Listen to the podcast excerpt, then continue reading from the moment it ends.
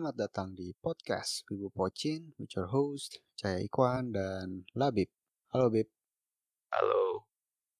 Yap, um, ini gue udah apa ya, udah hiatus, udah bolos lama banget ngomongin One Piece. Jadi sebenarnya gue udah semangat banget waktu chapter 1000 gitu kan, karena milestone dan monumental.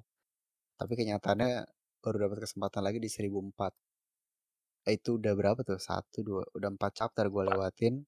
Dan sebenarnya materinya udah ada semua nih seribu. Gue selalu nulis gitu tiap ada chapter baru cuman entah kenapa gue pikir kayak eh gue mau coba gitu sekali aja gue ganti berubah format jadi nggak ngomong sendiri gitu. Dan awalnya gue pikir wah chapter seribu nih momen yang pas gitu. Tapi jadinya malah apartnya nggak dapet dapet terus malah gue yang males. Tapi well untungnya ada yang mau nemenin gue sekarang dan masih ada kesempatan lah buat chapter 1004 walaupun udah telat seminggu ya. Uh, tapi kebetulan juga lagi break jadi ada waktu lah. Oke jadi um, tapi untuk chapter 1000 sampai 1003 mungkin singkat aja itu gila banget sih. Uh, gue nggak nyangka sampai tiga setengah chapter gitu isinya full fight antara atau lebih tepatnya fight yang paling ditunggu-tunggu di arc ini gitu dari Luffy dan para supernova ngelawan dua Yonko sekaligus. Terus Oda langsung ngasih kita tiga chapter tak beruntun gitu ya hampir tanpa interupsi dan sangat memuaskan sih sejauh ini. Uh, itu mungkin recapnya. Jadi langsung aja masuk ke chapter 1004 uh, judulnya Kibi Dango ya kalau nggak salah. Karena memang fokusnya di Otama nih um, cewek dari Wano masih kecil dan tidak sangka kemungkinan dia akan jadi MVP dari perang ini gitu. Sebenarnya kita kita udah, kita udah tahu kan sejak dia muncul di Onigashima dia bakal ngapain uh, dan sekarang kita cuma ngeliat aja uh, rencana itu di, di dijalankan gitu kan. Jadi ternyata dia dibantu sama beberapa uh, anak buah Kaido gitu kan yang udah diubah udah dicuci otaknya dengan buah iblis dangonya dia yang udah muncul dari awal Wano gitu kan ternyata mereka dijadikan kendaraan atau medium buat menyebarkan dango-dango yang berasal dari pipinya si Otama ini yang memiliki kemampuan untuk membuat hewan dan setengah hewan ya kalau melihat sejauh ini gitu untuk mematuhi penggunanya atau pembuatnya yaitu si Otama dan akhirnya ini malah membuat mereka berkhianat gitu dari pihak Kaido ke pihak uh, aliansi bajak laut samurai dan Mings dan sejauh ini juga kelihatan ya uh, kemampuannya Boy Iblis Tama ini dibatasi stamina nya doang. Jadi dia kayak bisa bikin sebanyak mungkin selama dia nggak capek gitu. Um, tapi so far jumlah dangonya banyak banget sih. Jadi usaha anak ini menurut gua patut patut di appreciate lah dan walaupun dia udah bilang gitu kan dia pengen momoin jadi shogun Wano terus dia dia capek di negara ini yang dikuasai sama Orochi dia pengen makan nasi gitu. Tapi uh, dengan dengan kelakuan dia sejauh ini gue malah menurut gue Tama lebih worthy jadi shogun sih sejauh ini ya. Jadi pemimpin Wano di masa depan gitu. Beberapa poin sih yang yang mungkin dari scene-nya si si siapa namanya si Tama ini uh, yang pertama si di awal-awal banget si Speed si um, pengguna smell kuda ya. Dia kan bilangnya ngomongnya uh, ini obat dari Queen nih uh, membuat kalian hmm. jadi pulih lagi. Nah melihat sejauh ini Queen kerjanya mengacau doang apakah fitnah ini nanti bakal menjadi sebuah joke lagi dari Queen gitu? Bisa jadi sih malah ada kemungkinan ini kalau salah satu dari Tobi Ropo-nya atau si King atau Queen-nya yang makan danggonya bakal lucu lagi nanti. Ya, dan itu ya itu salah satu pertanyaan gue juga sih. Di sepanjang chapter ini si well, si para headliner dan si Usop juga salah satu yang nembakin dangonya cuma mereka cuma ngincar anak buah yang lemah gitu maksudnya mereka nggak ngincar Tobi Ropo satupun jadi mungkin pertanyaannya apakah Kibidangoya cuma berefek ke buah iblis smile gitu um, dan apakah dia berefek ke buah iblis murni Zoan gitu seperti yang dimiliki para Tobiropo karena Ya sejauh ini nggak kelihatan dan sebenarnya lebih mudah gitu kan? Iya, dan di chapter itu kan yang mereka bahas number kan. Sasa Sasakinya kan bilang ke Franky kan, "Ini fakta yang harus kalian hadapi kalau kalian menghadapi musuh yang lebih banyak jumlahnya." Terus kan mereka kan mau ini berarti kan mau convert numbernya itu. Makanya nggak sempet diliatin, nggak mungkin diliatin langsung dangonya dicobain ke ke officer atau headliner. Hmm, oh oke oke. Jadi poinnya memang di situ ya. Soalnya memang nyambung juga sih di chapter 1003 di mana para CP0 yang lagi bersembunyi uh, memberikan visualisasi gitu kan antara uh, pasukannya Kaido dengan pasukannya aliansi samurai yang perbandingannya beda jauh kan 27 banding 5. Terus juga dengan adanya Tama ini sebenarnya dia tuh cukup convert uh, cuma sekitar 10 bidak catur gitu.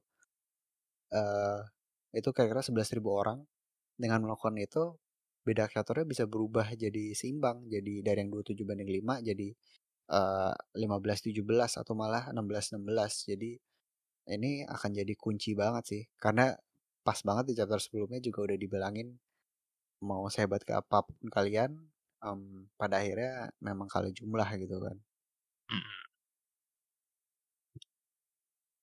gitu sih jadi well memang akan jadi kunci Tama um, tapi sementara itu ada karakter lain lagi yang masih uh, bertarung dengan cukup kesulitan gitu ya si Frankie dan ternyata dia bisa melawan Sasaki cukup seimbang uh, gue nggak antara kaget dan kagum gitu sih karena dia ngelawan benar-benar Zoan Ancient Zoan gitu tapi iya. di lain pihak juga menurut gue ya kita belum lihat kekuatan penuh dari si robot General Frankie. Soalnya sejauh ini dia pakai si robot ini tuh cuma di Fishman Island yang kita tahu itu cuma ya itu easy mode lah kalau lo main game. Sama satu lagi di Pang Hazard di mana dia nggak dapat masalah berarti ya. Soalnya di Pang Hazard dia tuh dilawan dua orang sekaligus dan dua-duanya uh, anak buahnya Do Flamingo kan si si Baby Five sama Buffalo dua-duanya walaupun gak dikalahin tapi Frankie sama sekali nggak ada kesulitan lawan mereka gitu. Jadi um, ya menurut gue General Frankie masih punya sesuatu lah untuk ditunjukkan dan mungkin kemampuan penuhnya cukup untuk mengalahkan eksekutif Yonko sih. Mungkin orang sekarang ya tiba-tiba dia punya pedang, kita baru tahu. Iya dan pernah itu ditarik itu pedangnya. Pedangnya pokoknya jurus-jurusnya temanya kayak Super Sentai dan Kamen Rider gitu kan. Jadi Enggak, enggak. Kalau General Frankie Super Sentai Megazord, Megazordnya Power Ranger khusus. gitu. Oh, Megazord ya. Iya, Kalau ya, yang jadi... Kamen Rider itu si itu si Vince Smoke. Oh iya. Cuman uh, iya sih intinya masih masih banyak ya masih banyak kejutan sih menurut gue dari si Frankie. Terus uh, well walaupun cukup simbang um, pada akhirnya di dikeroyok juga tapi untungnya ada Nami dan Usopp dan Tama gitu ya yang pas di scene sebelumnya memang sudah mulai beraksi terus juga uh, ngetrollnya lumayan lucu sih maksudnya klasik Nami dan Usopp moment gitu kan. Di dikerjain si Sasakinya ternyata bohongan waktu dikepung gitu. Dan ternyata uh, semua hampir semua apa namanya anak buah Kaidonya udah udah menjadi uh, udah dicuci otak sama sama Tama ya udah jadi pengikut utama makanya uh, ada yang bikin meme juga apa apa ha, sekarang tuh udah bukan udah bukan 100 beast Kaido lagi sekarang tuh 100 beast Otama versus zero beast Kaido. Jadi ke keadaan sudah berbalik dan well memang pantas sih Tama mendapatkan gelar itu. Um, terus juga di di sini walaupun lagi momennya Frankie Nami dan Usopp juga dapat momen dan entah kenapa Nami dia sempat ini kan dia sempat nge-stun ya bisa dibilang nge-stun si ulti pakai Thunder Tempo terus dia bilang aduh ini mah nggak cukup gue butuh kilat yang lebih besar. Yang nggak tahu menurut yeah. gue kok ini kayak foreshadowing ya? Apakah apakah Zeus nanti bakal bantuin Nami lagi atau uh, entahlah siapa lagi ya yang punya petir-petir gitu di One Piece. Tapi juga uh, meanwhile strategi memang udah udah kelihatan ya kayak yang lu bilang tadi mengenai mengenai jumlah, mengenai angka, yang mana udah bakal keliling Onigashima, mengambil alih sebanyak mungkin pasukan Kaido, uh, dan well sambil bodo amat lah dikejar-kejar Pechuan sama Ulti. Nanti kalau udah menang jumlah, doesn't matter lagi. Mungkin itu salah satu part dari strategi mereka dari kucing-kucingan ini gitu. Mungkin ini gak sih nanti si Danggonya dicoba ditembakin ke Pechuan kayaknya. Nah, itu juga ya itu kan bagian dari pertanyaan kita juga ya. Cuman soalnya biasanya kan Oda waktu kita bikin pertanyaan gini dijawabnya di chapter selanjutnya nih biasanya. Dia suka gitu hmm. satu dua chapter selanjutnya kejawab yang pertanyaan-pertanyaan obvious kayak gini. Yes, yes, yes. Soalnya Tapi, Pechuan kan hmm. kalau jadi dinosaurus dia jadi yang Spinosaurus kan nih. Dia yang hmm. rahangnya kelihatan kan, yang suka gigit ke mana-mana kan dari awal oh. dia muncul dia gigit ke mana-mana. Waktu lawan Sanji juga kan dia gigit gigit macam-macam. Kalau ulti kan mulutnya selalu nutup kan. Waktu dia oh, berubah dia jadi masker, hybrid ya? pun. Iya, dia juga dia pakai masker. Taat 3M dia. Mm -mm. Makanya mungkin nanti ada ada kemungkinan nanti nextnya ditembakin dangonya ke Pechuan. Terus nanti Pechuannya berantem lawan ulti. yeah, Mana yeah, Pechuan kan dendam dikejar dendam disuruh-suruh ulti mulu kan dari dulu. Iya juga ya. Itu Makanya ya ada itu kemungkinan. Bisa bisa kejadian sih, tapi mungkin hmm. menurut gue bakal jadi joke. Menurut gue bakal bisa tapi jadi jadi joke doang. Jadi hmm. joke karena momen itu lucu banget, tapi cuma kayak beberapa detik untuk menunjukkan kalau bisa tapi nggak efektif gitu. Hmm, makanya mungkin nanti masih nanti itu. Iya iya. Ya. Soalnya Tapi juga juga sih kemungkinannya kecil sih itu soalnya yang yang harus dilihat itu banyak di arc ini. Iya kayak terlalu mudah.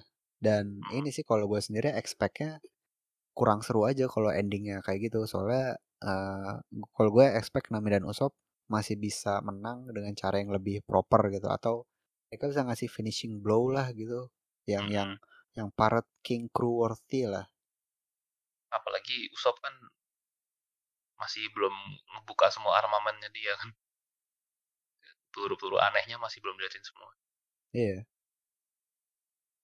Bener sih. Apalagi dia ya dia baru unlock ini juga kan Ken Bunshoku di di Dressrosa hmm. belum lama. Hmm, makanya. Iya yang gitu sniping itu ya. Iya yang sniping.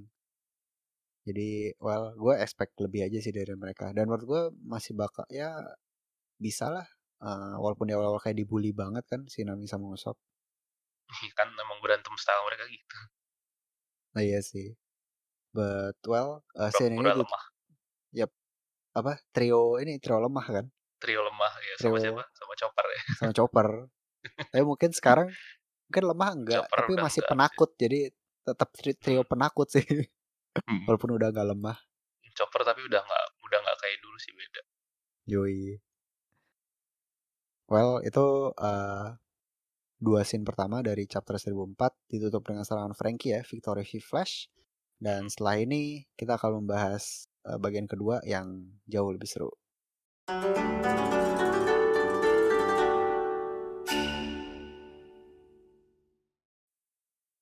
Yap, balik lagi di review One Piece chapter 100, 1004. Oh ini ngomong-ngomong, gue sejak pertama bikin podcast tuh One, One Piece emang masih di chapter 900-an. Jadi sekarang tuh gue nyebut 1000 tuh agak aneh aja gitu gila dari 900 sudah nyampe 1000 uh, eh, setelah tadi scene Frankie kita pindah lagi akhirnya kita kita ngeliat Sanji gitu. Well uh, nasibnya nggak atau lebih tepatnya udah diduga gitu ya dia udah ditangkap Black Maria dan dia cuma menghajar musuh yang berkelamin laki-laki doang yang cewek dibiarin. Jadi ya ini kita semua tahu lah uh, klasik Sanji.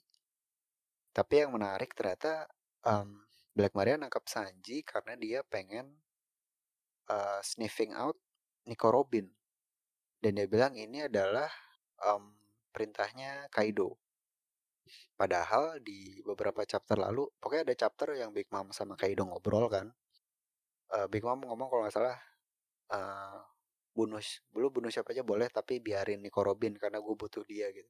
Kaido cuma kayak, dia nggak bilang dia mau Nico Robin dia cuma bilang kayak ah lu bukannya punya si anak lu itu ya yang si puding itu? Ah dia mah nggak bisa diharapin gitu gue butuh Robin gitu. Cuman si Kaido kayak oke. Okay.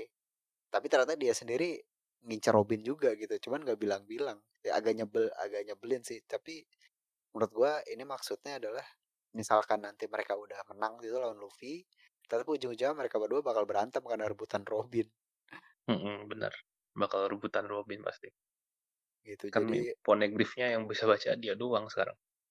Iya makanya dan makin di ini sih uh, ini sebenarnya udah pernah diwanti-wanti juga kan sama Nekomamushi di Zoo. Karena yang kayak lu bilang tadi cuma bisa dia doang yang bisa baca poneglyph nggak ada yang lain.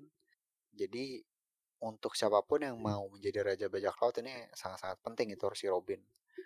Jadi um, sangat menarik sih nanti perkembangan Robin selanjutnya bakal kayak gimana dan well ternyata reaksi Sanji menurut gua keren sih yang dibilang uh, do not underestimate Nico Robin. Itu menurut gua keren karena yang pertama ini jelas-jelas foreshadowing sih bahwa uh, dia akan menunjukkan bahwa ya Robin itu atau di, diri dia sendiri akan menunjukkan bahwa you cannot underestimate me karena dia akan melawan Black Maria. Karena well ini udah udah ya semua orang udah tahu lah cuma tinggal nungguin doang kapan kejadiannya. Terus satu lagi dia manggil Robin dengan nama lengkapnya. Jadi biasanya kan dia manggil Nami Nami Swan Robin Robin Chan Robin Chuan.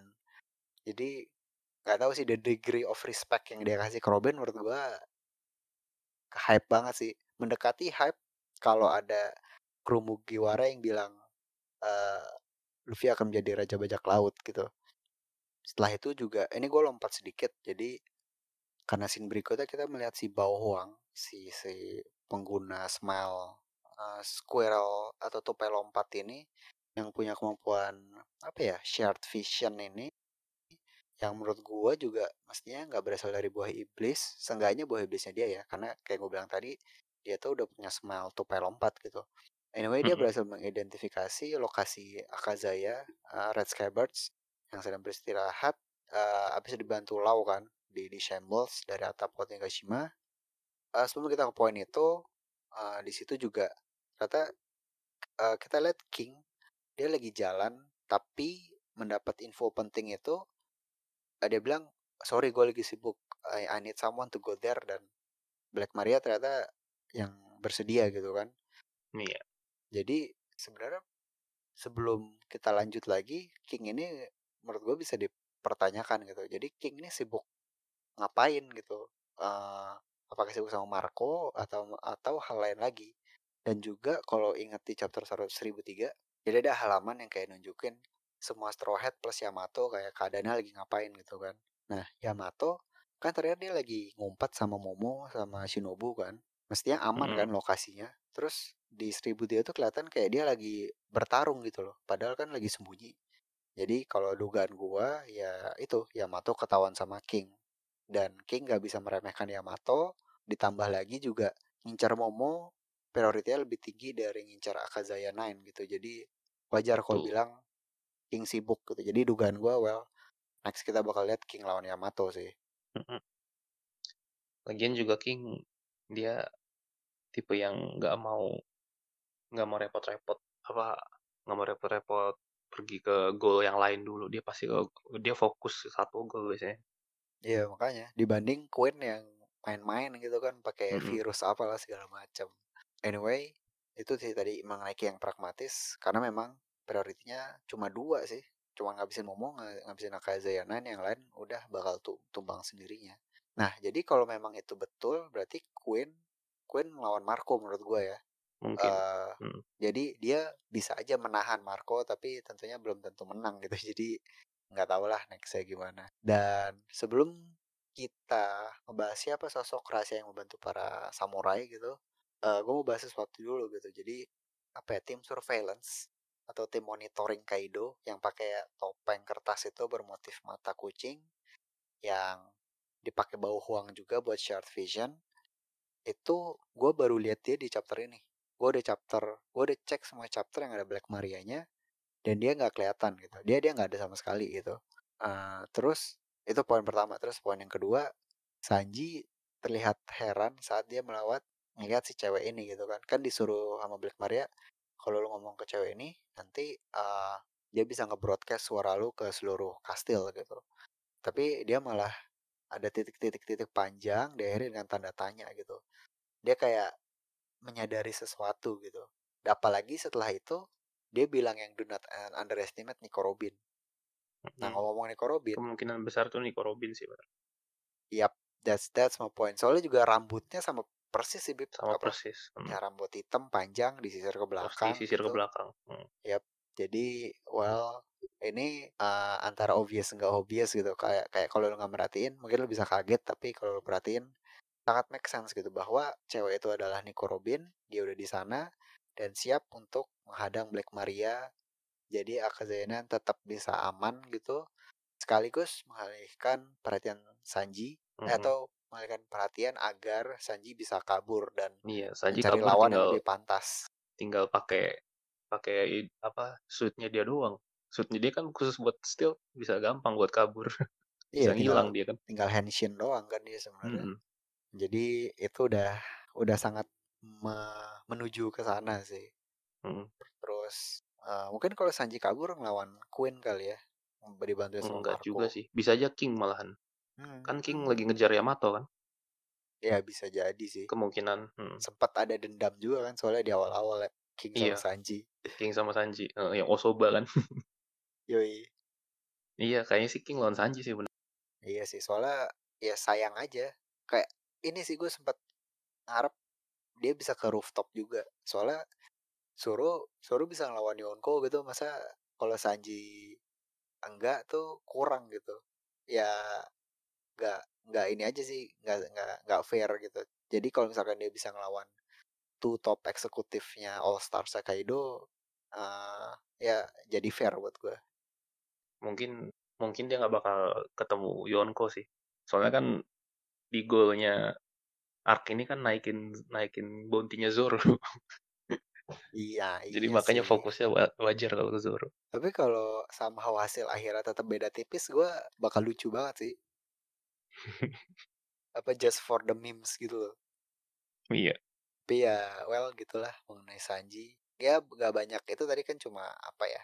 eh, cuma angan-angan lah gitu karena kita belum tahu kan next plan-nya Mm-mm, gimana. Tapi yang betul. jelas di akhir chapter ini eh, si Bauhang melihat sosok yang sedang merawat para Kazayan yang sedang terluka parah.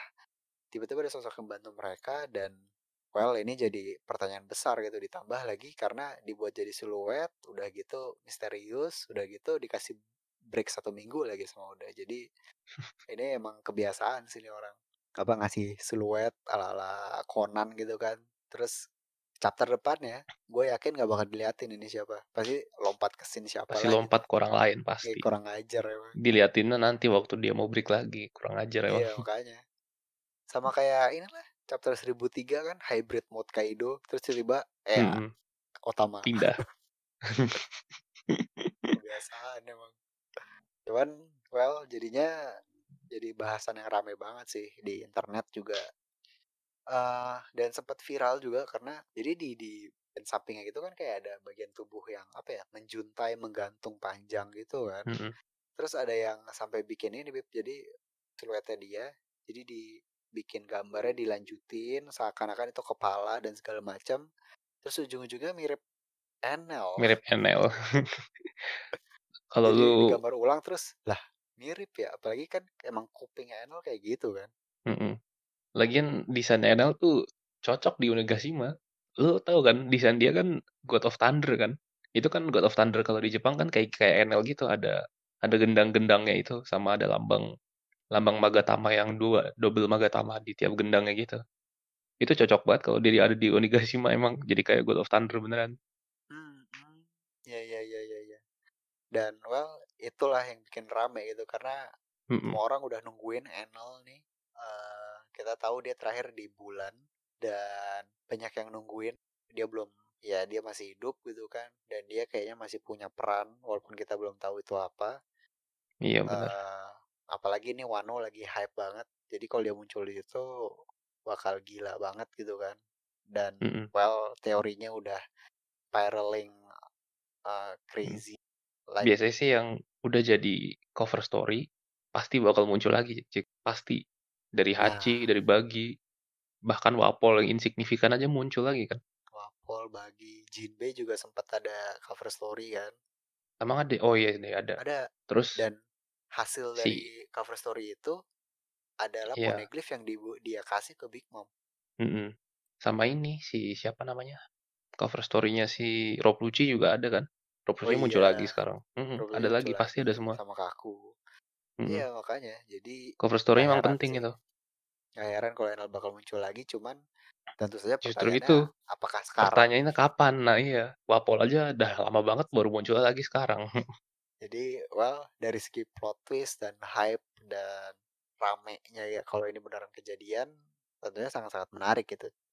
Iya. Tapi kalau gue sendiri sih sayangnya nggak ada alasan yang kuat ya kenapa dan duit pentingnya bagaimana Enel bisa ny- nyasar ke Wano gitu.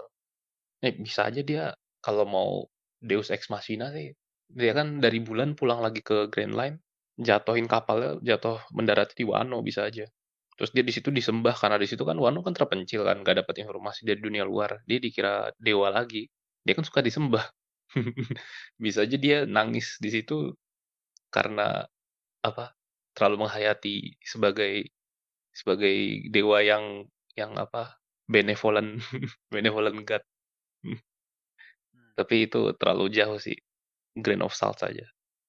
Iya sih. Eh ya kalau mungkin poin yang lo itu bisa cuman Oda nggak mungkin ngelakuin itu tanpa foreshadowing sih. Mhm, bener. Tapi kalau mau cari poin yang valid ya itu tadi yang tadi kita bahas di awal-awal tentang Nami. Dia butuh petir yang lebih kuat. Dan Iya. somehow kalau Enel bantuin dia, well itulah petir yang dia Eh, butuhkan itu buat juga mengalahkan ada poin kuatnya sih. Nami sama Enel kan ini interaksinya banyak waktu di Skype ya. Oh benar Dia kan ya. diculik kan. Nami kan diculik sama Enel kan. Terus sama Nami kan juga yang di kapal lama banyak ngobrol sama Enel sendiri dibanding yang lain. Iya, iya, Satu-satunya iya. yang kenal sama Enel selain Luffy itu Nami doang. Yang lain nggak nggak kenal. Benar juga ya. Yang lain Itu cuma disetrum. Sanji sama Zoro disetrum di Thunder. Habis itu kan Ini- mereka taken out. Usop, Usop juga di situ, Bib. Nih ada Usop juga. Eh, ya, namanya mau Usop kan sekarang makanya nih ada kemungkinan yang lumayan plausible sebenarnya. Iya, iya, iya. Gue jadi ingat ini sih, yang di kapal yang ada Usop eh, buka pintu terus oh ada Enel terus dia tutup lagi bego banget. Masalahnya ini cik apa scene-nya yang yang apa Luffy kebal sama petir juga diulang di arc ini. kayak Oh bikin iya, sengaja orang Big inget. Mom ya. iya, kayak bikin orang sengaja inget sama yang dulu. Makanya ini ada apa tidak ini aneh banget ini. I'm I'm made I'm made of rubber terus Rubber. balik lagi ke, Oh. ke ekspresi itu. itu iya itu kocak sih. Mm, Iya itu bikin ya. kita inget sama Enel kan gara-gara itu. Makanya wajar orang jadi inget ini orang Enel gara-gara itu juga sebenarnya. Iya, iya. Tapi ya kalau ya sih, tapi kalau gue kadang kalau udah ngebuat kayak obvious gitu, justru itu triknya. Justru itu triknya iya biasanya gitu.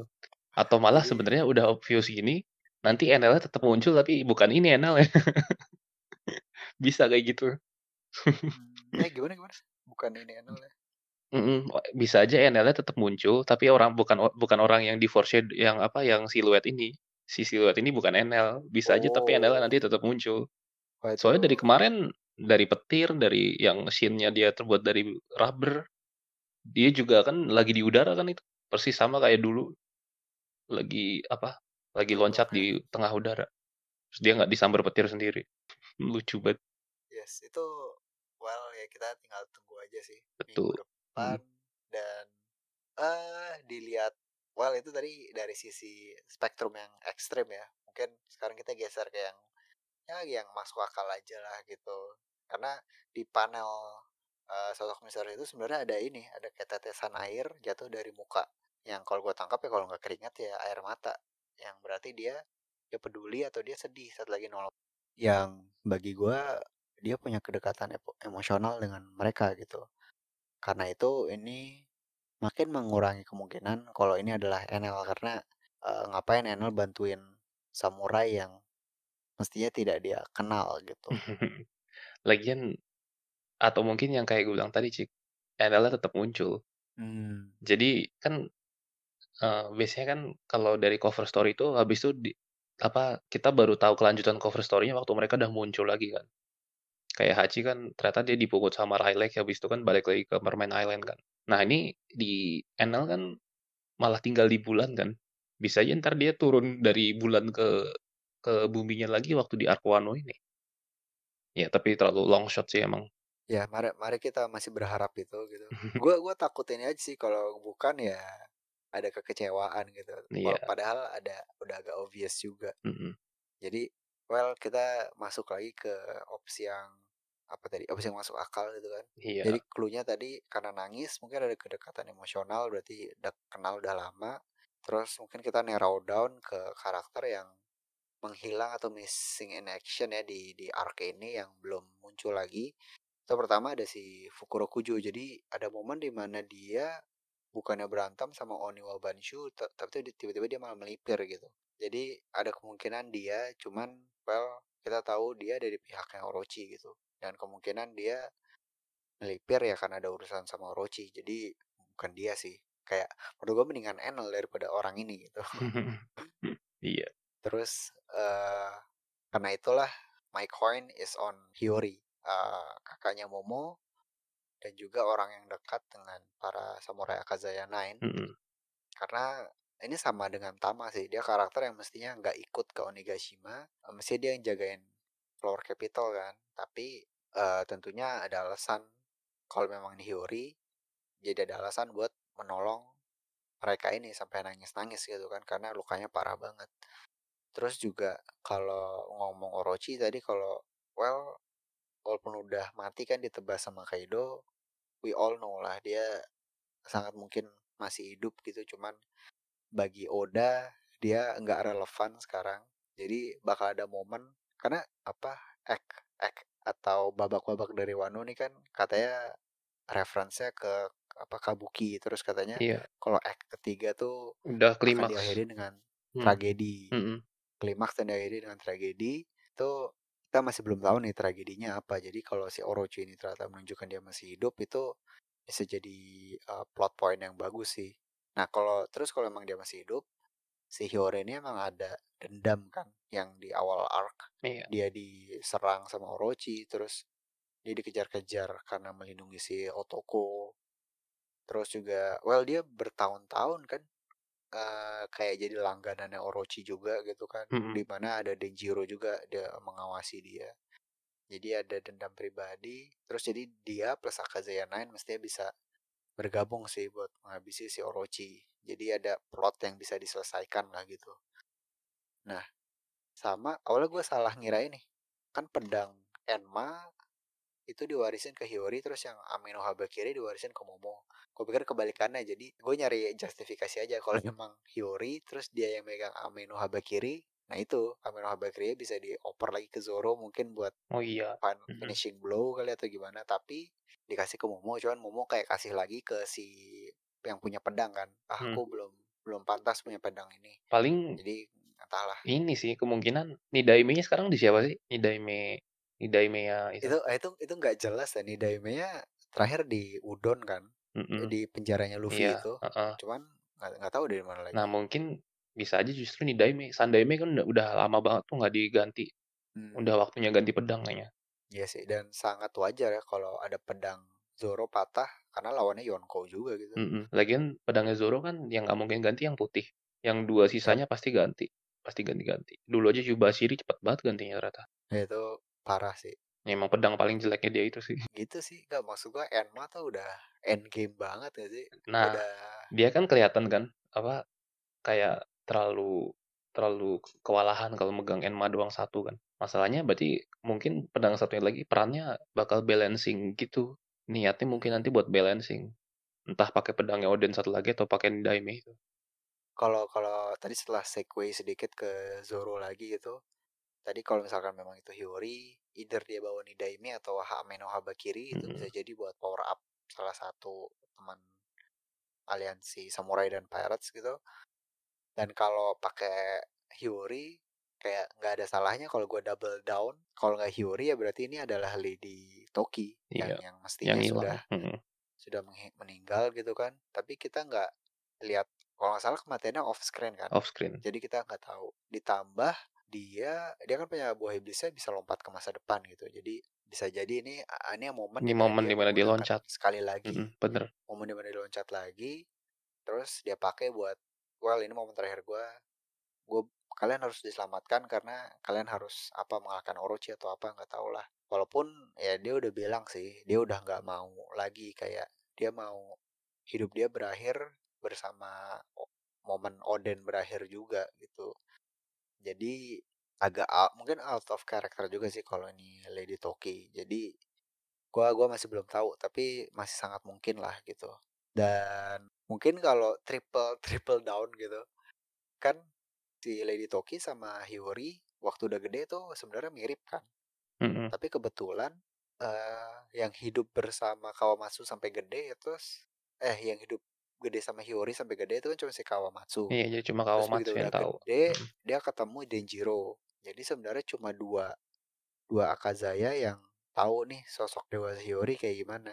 Jadi eh mungkin nanti bakal dibuat mungkin yang pertama bangun dari pingsan In, Inumamushi atau Kinemon gitu kan terus dia lihat wah Lady Toki gitu kan terus Mm-mm. pada panik terus tiba-tiba eh enggak itu Hiyori gitu jadi eh itu apa ya semi twist yang bagus sih. Maksudnya kayak kayak plot twist cuman dalam beberapa halaman langsung di di reveal lagi. Jadi ya intinya sih kalau memang yang ngebantuin mereka karakter yang gak relevan sama mereka ngapain di apa ya dibuat misterius sama Oda gitu. Jadi menurut gua mestinya ada relevansinya aja sih. Jadinya ya itu Hiyori kalau nggak Toki Tapi tetap sih NL cocok kalau ada di Wano. dia pakai tongkat kan? Tongkat emasnya dia kan pakainya. iya ya tongkat Ya emas udah udah image of God of Thunder banget itu. Udah cocok banget. balik lagi NL gue gue pengen banget sih kalau NL. aduh tapi ya ya siapa lagi ya Soalnya dia punya haki juga, Cik. Salah satu karakter di early Grand Line yang udah punya haki dari awal. Jadi di New World Iya dia sih, masih haki. bisa survive harusnya. Iya masih bisa relevan ya. Mm-mm. Cuman ya gitu dia dia tipe yang ini gak ya? Dia tipe yang mau belajar Kenbun Shoko atau Haoshoku gak ya? Soalnya kayak kan ya dia emang punya god literally punya god kompleks kan. Mm-mm. kayak Kenbun Shokunya pun dia alami karena di enhance sama buah iblisnya dia juga. Mm. Kalau misalkan bisa aja nanti dia kebantu karena ya dia nggak ngebantuin Luffy secara langsung bisa aja dia entah nggak sengaja passing through ke situ terus jadinya keberadaan dia di situ ngebantuin Luffy mungkin sama kayak thundernya dia mungkin dimanfaatin sama Nami lah atau apa yang yang lu bilang itu tadi Bisa jadi ya. lucu sih tapi ini Ah, well, ya tapi tuh mungkin bisa ya kalau si sosok misterius ini nggak diliatin sampai Wano selesai. gitu. Bisa, Jadi bisa banget. dia hilang lagi. Mm-mm, bisa terus banget Kita kayak anjir ini siapa dah bangke. nih?" bisa bisa banget bagi kalau tahu Oda Oda tuh sering kayak gitu dari dulu Well, ini bentar, ini ya ini masih masih hamin tiga empat hari sebelum spoiler dan hamin seminggu sebelum chapter baru jadi ya nggak nggak banyak lah yang bisa kita tebak-tebak. Tapi itu sih tiga tiga hal tadi. Lu mau yang masuk akal atau lu mau yang apa ya masuk di mana nih kalau Enel nih NL tuh terlalu long shot sih emang tapi ya kalau sampai kejadian wah hebat sih Oda gue pengen tahu kalau beneran NL gimana cara dia make sense keadaan itu semua. Yes yes yes. Jadi uh, well uh, kita belum tahu siluetnya siapa tapi seenggaknya udah ada bayangan lah ya. Mm-mm. jadi antara yang karakter yang sudah masuk akal atau karakter yang tidak masuk di akal. So that's the end of the review chapter 1004 um, nextnya kita nggak tahu bakal kayak gimana but mm, thank you for listening. Uh, bye